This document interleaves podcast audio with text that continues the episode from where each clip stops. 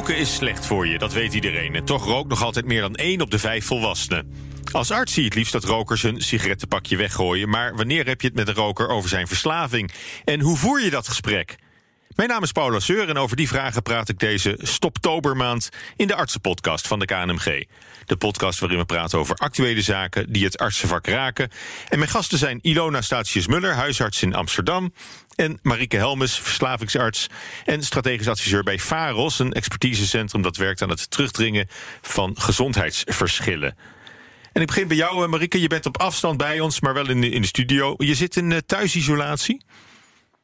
Ja, dat klopt. Ja, mijn uh, vriend heeft helaas corona. Gaat wel goed met hem, maar we zijn met het hele gezin in thuisisolatie. Dus afzonderlijk van elkaar leven. Oké, okay. je, je, vriend is verbannen naar zolder zo lang. Ja, precies, zoiets. Ja. Het, het blijft een, een, rare tijd natuurlijk voor, voor veel van ons. Ja. Ilona, ja. wanneer, wanneer breng je als huisarts nou het roken ter sprake? Ja, het liefst doe je dat natuurlijk altijd. Um, maar zeker natuurlijk als iemand komt met uh, aan roken gerelateerde klachten. Dat is natuurlijk het meest makkelijke. Maar ik probeer ook wel steeds meer, ook preventief. Hè, als iemand ruikt naar rook, of je ziet het aan uh, zijn of haar nagels. Uh, of als ze komen voor een anticonceptiewens of SOA-klachten. Dat is vooral bij de jongeren. Probeer ik toch wel te vragen van, ja, rookt u? Ja of nee? Ja, en iemand komt bij je met een verstuikte enkel? Nou, ik heb of, een sportblessure en, en dan zeg je, ja. en je ruikt sigaretten? Nou, dat doe ik wel, ja. Zeker, uh, ik heb het laatst ook wel gehad. Die jongen was wel een beetje van zijn stoel afgeblazen. Maar hij rook zo ontzettend naar rook dat ik dacht van ja, ik kan het nu echt er niet naar vragen. Ja, maar hij, hij, hij keek daarvan op. Hij, hij voelde, nee, zich, voelde zich. Oh, zei nee. van zijn stoel geblazen. Nou ja, dat was natuurlijk even een andere soort vraag ertussendoor. Maar uh, ja, ja, en uh, Marike, jij bent verslavingsarts. Hè? Veel mensen die ergens aan verslaafd zijn, die, uh, die roken daar ook bij. Uh, voor zover roken niet natuurlijk ook al een verslaving is. Maar een alcoholverslaafde, zit hij er nou wel op te wachten dat je ook over zijn, over zijn pakje sigaretten wil beginnen? Ja, uh, in de verslavingszorg zie je natuurlijk heel veel mensen met een alcoholverslaving. En uh, ja, 60 tot 95 procent van de patiënten die meerdere verslavingen heeft, rookt ook. Dus die, die zie je dan. En uh, ja, die mensen zitten er wel op te wachten in, uh, om hulp te krijgen bij stop met roken. Soms hebben ze er zelf al over nagedacht. Meestal zeggen ze nu nog even niet, later in het traject misschien.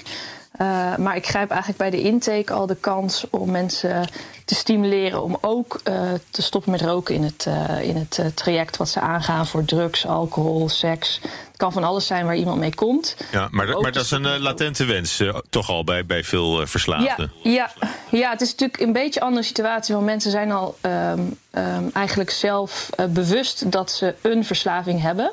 Uh, daarvoor melden ze zich aan. Dus, uh, dus de, in, de, de, de startsituatie is wat anders. Maar meestal zijn ze nog niet zo uh, ja, op verdacht dat ze ook met dat roken goede hulp kunnen krijgen. En dat, dat probeer je vooral mee te geven. Dat er goede hulp is en dat het veel effectiever is om met hulp te stoppen dan zonder hulp. En dat als je ook stopt met roken tijdens dat je geholpen wordt met je alcoholverslaving, dat je veel betere uh, kans hebt ook om ook te stoppen met alcohol en ook je cognitieve herstel erg te versnellen. Maar je hebt wel het gevoel dat je ineens met alles tegelijk moet stoppen. Dus dan, dan wordt ook alles, alles afgepakt. ja, dat, uh, Peter van Straten die had uh, een keer zo'n tekening gemaakt van uh, als ik blijf roken. Ga ik dood, maar niet roken, dat overleef ik niet. dat, ja, zo, zo zitten soms mensen wel voor, voor je. Ja. maar gelukkig ehm, ja, is het toch echt een goed gesprek met iemand voeren, daar wat tijd voor nemen, echt kijken waar, waar, waar, waar staat iemand met het roken, wat betekent roken voor hem, mm-hmm. of haar. Um, en ja. en uh, waar zit de ingang om het gesprek over, te, over, over roken te hebben? Ja, maar als ze bij jou aan tafel zitten, dan zijn ze al doorverwezen. Of dan hebben ze zichzelf gerealiseerd dat ze hulp moeten zoeken uh, bij hun ja. verslaving. niet alle artsen zullen het makkelijk vinden om stoppen met roken bespreekbaar te maken. Er is ook een enquête over gevoerd, een peiling van de KNMG. Onder bijna 900 artsen blijkt 1 op de 5 artsen zich toch af te vragen of de patiënt wel open staat voor een gesprek.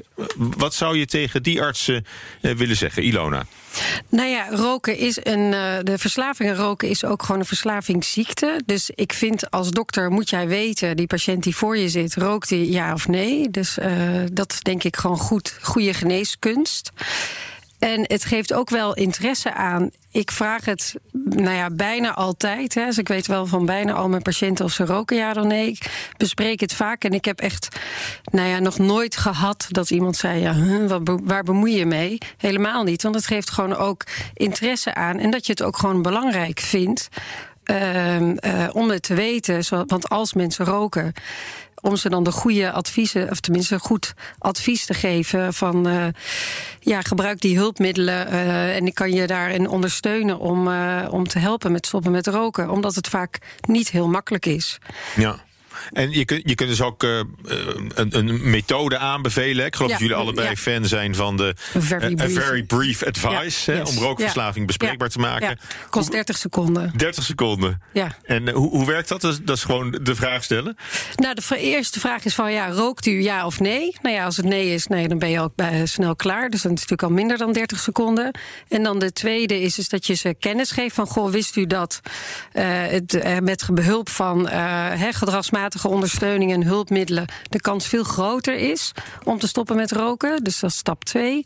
En stap 3 is van ja, mocht u er toch eens over willen hebben en even informeren, wat meer uitleg hebben, omdat u misschien overweegt om te stoppen met roken, maak dan een afspraak bij mij of bij een praktijkondersteuner of uh, noem maar op. Ben je in 30 seconden klaar. En, dan, en waarvoor kwam u eigenlijk? Ja, dat, ja. Komt, dat komt ja. er dan achteraan. Ja. ja, je zet dan eigenlijk gewoon gelijk in op van het kan en het is mogelijk. In plaats van dat je ingaat op uh, iemand uh, heeft ziekte en uh, het, is, het is vreselijk dat je rookt en je wordt er ziek van en je. je, je, je, je wat, wat komt, dat, komt dat daar helemaal niet bij kijken bij die very brief advice? Nee. Dat is niet de, de bangmakerij nee. van als je doorgaat met roken, nee. dan, dan krijg je longkanker? Nee. Nee, dus dit nee. is het korte advies wat je kan geven, wat je eigenlijk altijd tijd voor hebt, die 30 seconden. Daarom is het zo makkelijk en het is effectief. Dus het is echt op hmm. stimuleren van hoe wel te stoppen. En het is niet moraliseren, hè? want een arts nee. in het onderzoek die zei ook: ik, uh, ik uh, realiseerde me dat ik veel rokende patiënten met longproblemen nogal eens bestraffend heb toegesproken. Hè? Dat is al een beetje eigen schuld, dikke bult bijna.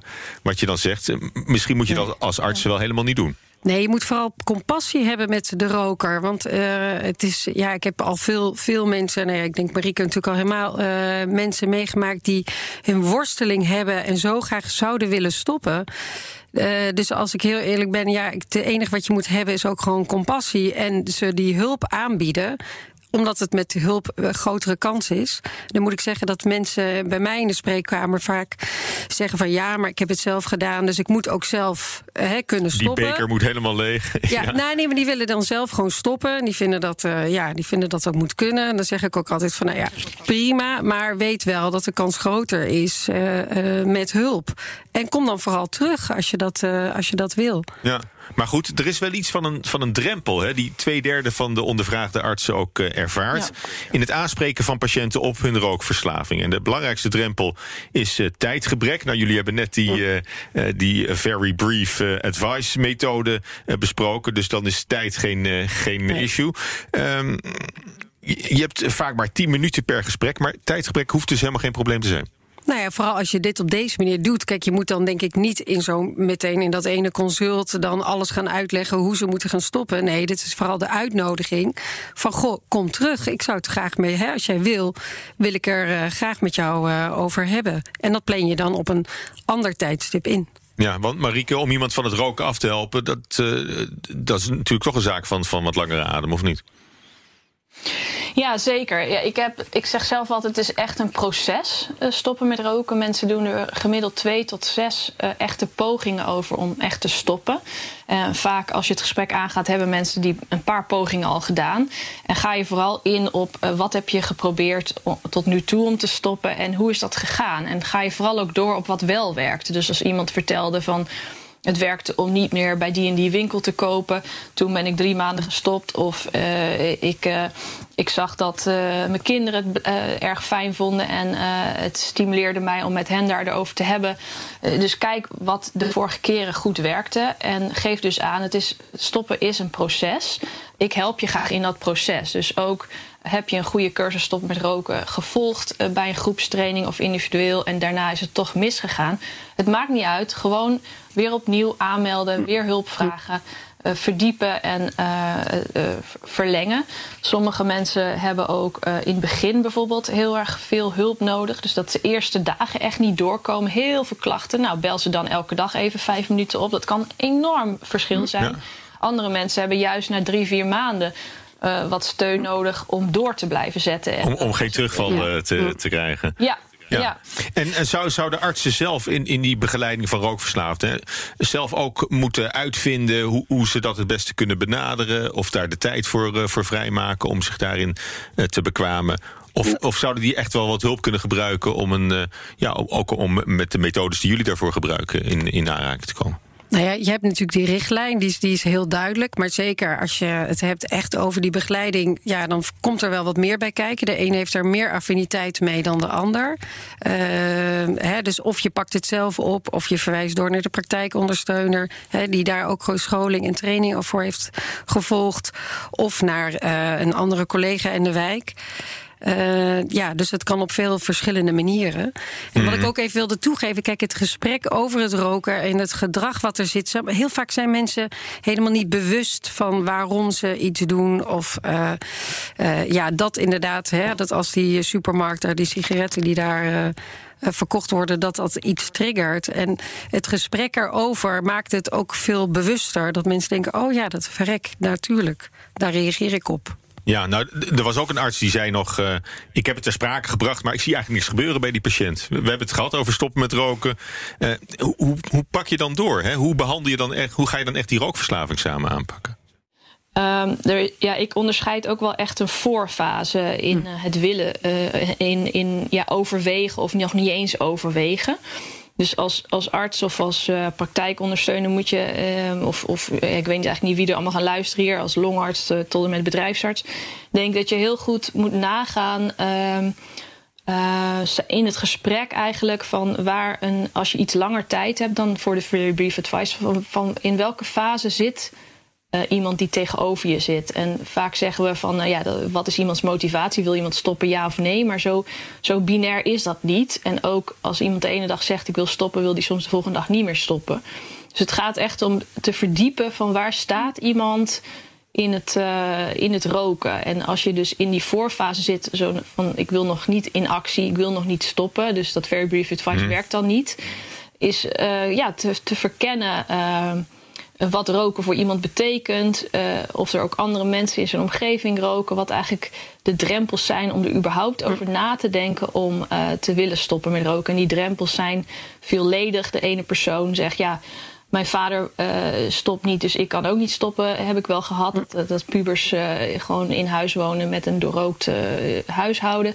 Tot aan um, ja, andere zaken, uh, veel stress, veel schulden, uh, komen er niet aan toe om, te, om over het stoppen na te denken. En dat moet je samen, uh, kan je samen verkennen, dat, zodat die relevantie om te willen stoppen groter wordt en de drempels om niet te kunnen stoppen of erover na te denken verkleinen en de beloning eigenlijk te vergroten. Dus wat levert het op? Dat is lang niet altijd gezondheid, maar ook vaak wat veel mensen niet weten is dat je um, veel minder angstig en minder somber kan worden als je stopt met roken.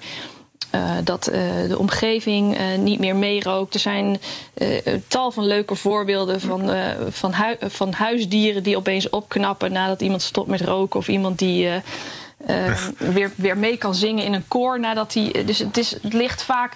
Het is, niet, het is niet vaak, het is om mijn gezondheid dat ik stop. Het is hm. vaak veel leuker om wat door te vragen en te verdiepen. Ik heb ook regelmatig dus gehad dat iemand kwam en een liet in een hele mooie tas zien. Van kijk, dit heb ik gekocht omdat ik niet meer omdat ik ben gestopt met roken. Gewoon wat je hebt uitgespaard. Ja. ja en ik wil ook even aan toevoegen. Kijk, zeker als, uh, als huisarts hè, zet je iemand. Uh, zie je regelmatig. Hè, je kan dit best wel één keer per jaar eens een keer weer aankaarten. En inderdaad, het zijn soms zaadjes die je plant. En dan, uh, ja, dan kom je een ander moment kom je er weer eens op terug. En zo is het een vrij lang uh, proces. Ja, want het liefst zou je willen dat iemand meteen stopt. Ja, maar, maar, dat, maar dat, is, dat is niet, dat is niet reëel. Nee.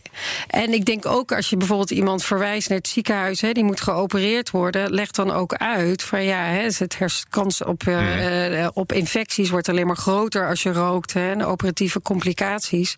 Dus ook dan heeft het zin in verband met die aanstaande het heeft, uh, ingreep. Het om te heeft alleen maar voordelen, denk ik, om, maar. om, te stoppen met roken. We Ja. praten straks uh, uitgebreid verder.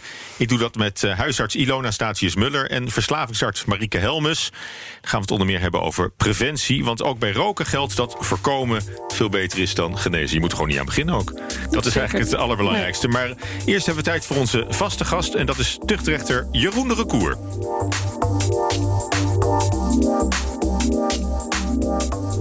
En ook deze uitzending laat hij zijn licht schijnen over een zaak uit het tuchtrecht... die samenhangt met het onderwerp van de uitzending. Welkom Jeroen. Dank, Paul. Goed dat je er bent. Uh, welke tuchtzaak heb je vandaag opgeduikeld? Nou, ik heb een zaak van een, van een jonge klaagster, een vrouw van begin 20. En die had al in tienerjaren morbide obesitas ontwikkeld... met daarbij suikerziekte, type 2. Uh, huisarts heeft haar vaak gezien, naar de kinderarts verwezen... later als volwassen naar de internist... Uh, er is uiteraard insuline voorgeschreven, maar ook is uh, gevraagd om een aanpassing te doen aan haar leefstijl. Er is begeleiding geadviseerd. Het ging echter van kwaad op erger. Van kwaad tot erger. Ze kwam niet in aanmerking voor wat dan heet een gastric bypass operatie. Mm. Uh, en kreeg bovendien nog eens een ongeneeslijke oogaandoening. De klacht tegen de huisarts was dat ze niet tekort was geschoten in de behandeling van haar diabetes. de regulatie van de suikerziekte was gewoon nooit goed gegaan. Ook is er periodiek een, een, een oogonderzoek niet gedaan, wat wel gedaan moest worden ter preventie. En dat klopt allemaal. Dat zegt de huisarts ook. Alleen zegt de huisarts er iets bij. Die zegt ja. Deze mevrouw die was gewoon structureel medicatieontrouw, volgde de adviezen niet op en kwam niet op afspraken regelmatig. Uh, dus mij valt niets te verwijzen. Ja. Wat zegt het college dan? Ja, die zegt, die huisarts die heeft zich eigenlijk wel voldoende ingespannen... Uh, om klaagster de juiste behandeling te laten ondergaan. Ze heeft klaagster en haar familie regelmatig gewezen, begeleid. Uh, gewezen dus op het goede gebruik van medicatie... op dat het nodig is leefstijl aan te passen. Uh, ook toen klaagster onder behandeling was van specialisten. En zellig het eenmalig overslaan van dat preventieve oogonderzoek is die huisarts niet te verwijten. Uh, want de praktijk van de huisarts was zo ingericht dat er wel voldoende waarborgen waren dat het onderzoek zou plaatsvinden. En ja, dan is het niet verschijnen op oproepen en afspraken uh, het risico van de inmiddels meerderjarige, dat is natuurlijk wel van belang, klaagster. Dus wat is nu het leerpunt? Wat mij betreft. Ja, wat, wat kunnen artsen ook, ook in andere kwesties, hè? want nu gaat het over overgewicht, maar misschien ook wel in, in, in, in rokers roken, die, die niet voldoende begeleid worden. is, is daar een parallel? Ja, ja, er is een parallel, want het gaat er natuurlijk om waar ligt, de, waar ligt de grens van de verantwoordelijkheid? Wat kan je een arts tuchtrechtelijk nog uh, verwijten en wanneer valt het binnen de verantwoordelijkheid van de patiënt? Uh, en uh, ja, hier gaat het in deze casus, en ik kan echt alleen maar over deze casus spreken. Dat ligt in iedere zaak net weer wat anders. Maar er wordt toch wel gezegd, als je je zaakjes op orde hebt... je hebt je praktijk goed georganiseerd... en je hebt echt je best gedaan om, uh, om dat goed voor elkaar te krijgen... dan zit je tuchtrechtelijk goed. En dan valt dat het niet is gebeurd onder verantwoordelijkheid van de patiënt. Want die heeft gelukkig ook in het tuchtrecht een eigen verantwoordelijkheid. Dankjewel Jeroen. De volgende uitzending dan horen we je weer met een nieuwe zaak uit het tuchtrecht. En uh, ik, ik praat erover verder met uh, Ilona Statius-Muller en verslavingsarts Marieke Helmes. Um, ja, een eerste reactie op, uh, op, de, op de column. Kun je je voorstellen dat je een, uh, een, een, patiënt uh, terugkrijgt... Of, of, of die naar de tuchtrechter stapt... omdat hij een, een, een longaandoening heeft ontwikkeld, hè, COPD... of misschien wel longkanker... en gezegd heeft ja, maar mijn huisarts wist dat ik rookte... en die heeft nooit echt de best gedaan om, om er wat aan, aan te doen. Ja, wat ik daarover wil zeggen is dat het, natuurlijk uh, wel belangrijk is dat tabaksverslaving echt uh, ook ja, echt een ziekte is. Die, hmm. die in de genen en ook door de omgeving in het gestel van iemand gaat zitten en zich ook vastnestelt in de hersenen in de vroege jeugd als je jong begint te roken. Dus er, er, verandert echt iets in de hersenen als je gaat roken. Waardoor je eigenlijk een ziekte hebt, een verslavingsziekte. En de, bij, die is bij de ene persoon heel ernstig en bij de andere wat, wat minder. En daarvoor bied je een behandeling aan. Dus als je de parallel met die diabetes, die ook in de, in de zaak mm. werd gelegd. Als je diabetes uh, uh, constateert en je biedt iemand geen behandeling aan. Dat zou vreemd zijn. Uh, dus ik zou graag naar die parallel willen. Als iemand rookt, dan bied je een behandeling aan. Ja. Maar dan, maar dan omgekeerd kun je dan misschien ook als patiënt wel zeggen: van uh, ik, ik, heb, ik heb die ziekte uh, gehad al die tijd. En ik ben toch niet hard genoeg daarop aangesproken. Dus het is natuurlijk een beetje afschuiven van je eigen verantwoordelijkheid. Maar dat is misschien wel iets wat, waar, waar je rekening mee moet houden. Ja, mensen met uh, verslaving, dat hoort bij, het, uh, bij de verslavingsziekte dat je uh, het probleem van je afschuift. Ja, ontkenning. ontkenning, ja. Maar ja, als ja. iemand, of iemand, kijk, als iemand echt gewoon komt op het spreekuur van ja, ik heb echt een tabaksverslaving, ik wil er vanaf, ja, dan moet je natuurlijk maximaal inzetten. Maar die mensen, om van die verslaving af te komen, maar die mensen die niet komen en die jij, ja, als ze met iets anders komen, daarop aanspreekt, ja, dan denk ik wel, dan doe je eigenlijk al het maximale. Ja. Ik denk dat het onmogelijk is om, dat, om die verantwoordelijkheid bij ons te leggen. Want dan, wat mij betreft, dan moeten we het ook maar niet verkopen. Of dan kan je de staat uh, aansprakelijk stellen. Om die zorgt ervoor dat het overal verkocht wordt. Nou, als je kijkt naar um, omgevingen waar veel gerookt wordt. De cijfers van Trimbos zijn dat uh, mannen tussen de 25 en 45 jaar met een lage opleiding 50% daarvan rookt. Dat betekent dus dat um, ja, kinderen uh, de, meest, de helft van de mannen uh, uit, die, uit die omgeving uh, zien roken en ook meeroken. Waardoor je een enorme impact hebt van het roken op die volgende generatie, dus transgenerationele overdracht op die kinderen. Waardoor, ja, volgens mij hebben we daar een enorme verantwoordelijkheid om dit soort kinderen uh, te beschermen uh, tegen meeroken en roken, verslaafd worden en ziek worden van roken. En daar zijn we natuurlijk met z'n allen de laatste jaren ook wel veel over aan het nadenken van hoe kunnen we dat nou beter doen, hoe kunnen we dat nou beter integreren in de wijk ook. Uh, hoe kun je samenwerken als huisarts met ook welzijnspartners om mensen ja, te stimuleren om te stoppen met roken. Ja, of om ervoor te zorgen, daar hadden we het eerder over in de uitzending. Uh, dat je voorkomt dat ze gaan, ja. gaan, roken. Voorkomen is altijd beter dan genezen, want dan, ja. dan wordt er helemaal niet, ja. niet, niet, gerookt uiteindelijk. En uh, Ilone, jij bent initiatiefnemer van het Amsterdamse Rookalarm. Dat is een netwerk van zorginstellingen en zorgverleners. Met als doel een rookvrij Amsterdam in 2040. Klopt. We hebben de handen waar, neergeslagen. Waar begin je dan? Hoe wil je dat bereiken? Nou ja, om in ieder geval nou ja, het, het, het, deel wat je regionaal kan doen, is te zorgen dat de zorg gewoon echt helemaal rookvrij is. Hè. Dus de laatste jaren zijn, uh, hebben ziekenhuizen. Nou, de Jellinek is onder leiding van Marieke uh, rookvrij uh, geworden. dus dat is een belangrijke poot. Het stoppen met rookondersteuning, ja. omdat niet iedere huisarts of praktijkondersteuner dat even goed maar ook een kan of wil. Ergens, dat, dat, dat dat nog kon, Eigenlijk als je erover nadenkt, zeker, absoluut. Nadenkt. Ja, ja. In de zorgomgeving, dat is, dat, ja. dat is wel vrij bizar. Ja, klopt. Maar Klopt. er is dus nog wel een hoop uh, winst nou ja, te. Die stappen, die, stappen die ja. zijn gewoon nu al, uh, al heel goed. Uh, die, zijn, die zijn er al en die zijn al gezet. En het goede stoppen met roken aanbod. Dus natuurlijk vanuit overheidswegen is het wel of niet vergoed. er is er veel onduidelijkheid over geweest. Dus we wilden gewoon een goede sociale kaart die iedereen kan bekijken. Die is iets uitgebreider dan wat op ikstopnu.nl staat. Dat iedere professional weet van nou ja, waar kan ik mijn roker, mm. als ik er zelf niet uitkom, naartoe sturen. Dus dat is in ieder geval ook een, uh, een belangrijke poot. Maar goed, de, de, de zorg wordt rookvrij, maar het, het, het openbaar vervoer, uh, andere publieke ja. locaties, nou ja, over, overal waar je het roken ja. terugdringt, is, is pure winst voor, uh, voor jullie beweging. Ja, en de scholen, hè, dus, nou ja, dus mm -hmm. een deel is een beetje natuurlijk al in de trend van de, van de, van de landelijke richtlijnen, klopt. Maar ook omdat, kijk, mensen zeggen van ja, je maakt dus een plein rookvrij, bijvoorbeeld. maar het gaat er ons ook om dat leraren bijvoorbeeld die een voorbeeldfunctie hebben op school, dat die ook bewust zijn van ja, als ik nu even ergens achteraf zet te roken, dan geef ik ook het slechte voorbeeld. Ja. He, want zien roken is. Uh, doet roken. Doet roken. ja. Klopt. Ja. Uh, dus daar, dus daar willen we heel je, erg naartoe. Als je langer terugkijkt, zo uh, 30 jaar geleden rookte we in het vliegtuig nog en in, in de treinen. Zo. Dat, dat, dat kan je je al niet meer nee. voorstellen bijna. Nee. Dat, nee. dat, dat dat zo gebruikelijk was. Dus er wordt wel langzaam maar zeker een beetje winst geboekt hè, op, op dat. ja, maar, maar de, het verdrietige is dan toch wel, ja. ja. het percentage rokers daalt wel stukje bij beetje, maar jongvolwassenen blijven ja. zich doorroken. Ja, klopt. Ja. Ja, ik was zaterdag zat ik ook even buiten op het terrasje. Een groep vrienden, uh, steeds uh, groter wordende, zeker niet de anderhalf meter afstand uh, houdend. Nee. die allemaal zaten te roken. Echt allemaal. En dan denk ik, oh, help. Ja, de jonge twintigers, hè? Ja. ja. Dus één op de drie ja. rookt daar, geloof ik. Dat is, uh, ja, en heel, ja, en vooral ook hoger opgeleide dalen. Hè? Dus, uh, dus, dus middelbaar ja. en lager opgeleid daalt. En zeker de lager opgeleide groep die daalt ook niet significant nee. van de volwassenen nee. hoor. Dus er zijn zeker wel zorgen over ja. uh, ook. Um, ja, bij het gaan roken, maar ook minder met stoppen met roken hebben we nog heel veel te doen. Ja.